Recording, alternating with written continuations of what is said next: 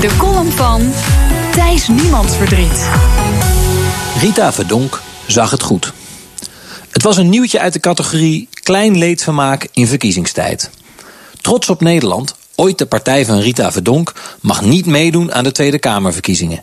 Ze hebben de borgsom niet op tijd betaald bij de kiesraad. Van Verdonk zelf horen we al jaren niets meer. De laatste keer dat ik haar aan de telefoon had, ergens vorige zomer, vertelde ze dat ze iets doet met advies en coaching en vrouwen en het glazen plafond. Toch moet ik de laatste weken ineens veel aan haar denken.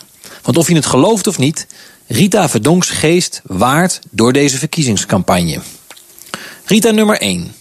Jan Dijkgraaf van Geen Pijl. Die zegt: Wij zijn niet links en we zijn niet rechts. Hé, hey, waar kennen we die van? Rita nummer 2. Lodewijk Asscher van de PvdA. Die wil nieuwkomers de Nederlandse normen en waarden laten ondertekenen, zoals vrijheid van godsdienst en de gelijkheid van man en vrouw. Hebben we dat plan niet eerder gehoord?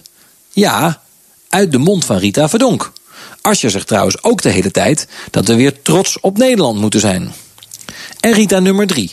Mark Rutte van de VVD. Verdonks rivaal van Weleer ging laatste keer tegen een besluit van het College voor de Rechten van de Mens. Ze hadden een moslim in het gelijk gesteld die weigert vrouwen de hand te schudden.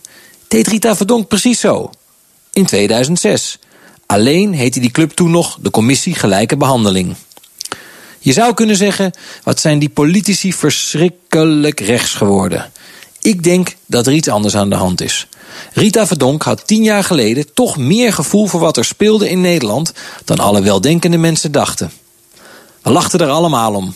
Dat plaatje van Rita aan het roer van een Hollandse schuit, die wapperende Nederlandse vlag, haar opmerking dat ze het Sinterklaasfeest ter discussie willen stellen, haar voorstel om Nederlands spreken op straat verplicht te stellen. Maar anno 2017 zijn immigratie, vaderlandsliefde en Nederlandse normen en waarden vanzelfsprekende verkiezingsthema's.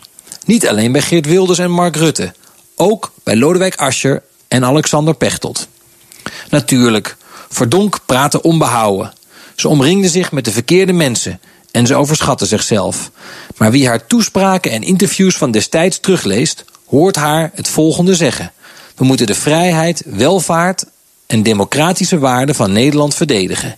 Ik hoor, eerlijk gezegd, niet het verschil met Ascher of Pechtold nu. En dan zei ze er nog niet eens bij: pleur anders maar op naar je eigen land. En dat zei Thijs Niemands Verdriet op donderdag onze vaste columnist. U kunt hem ook terug luisteren op bnr.nl en op de BNR-app.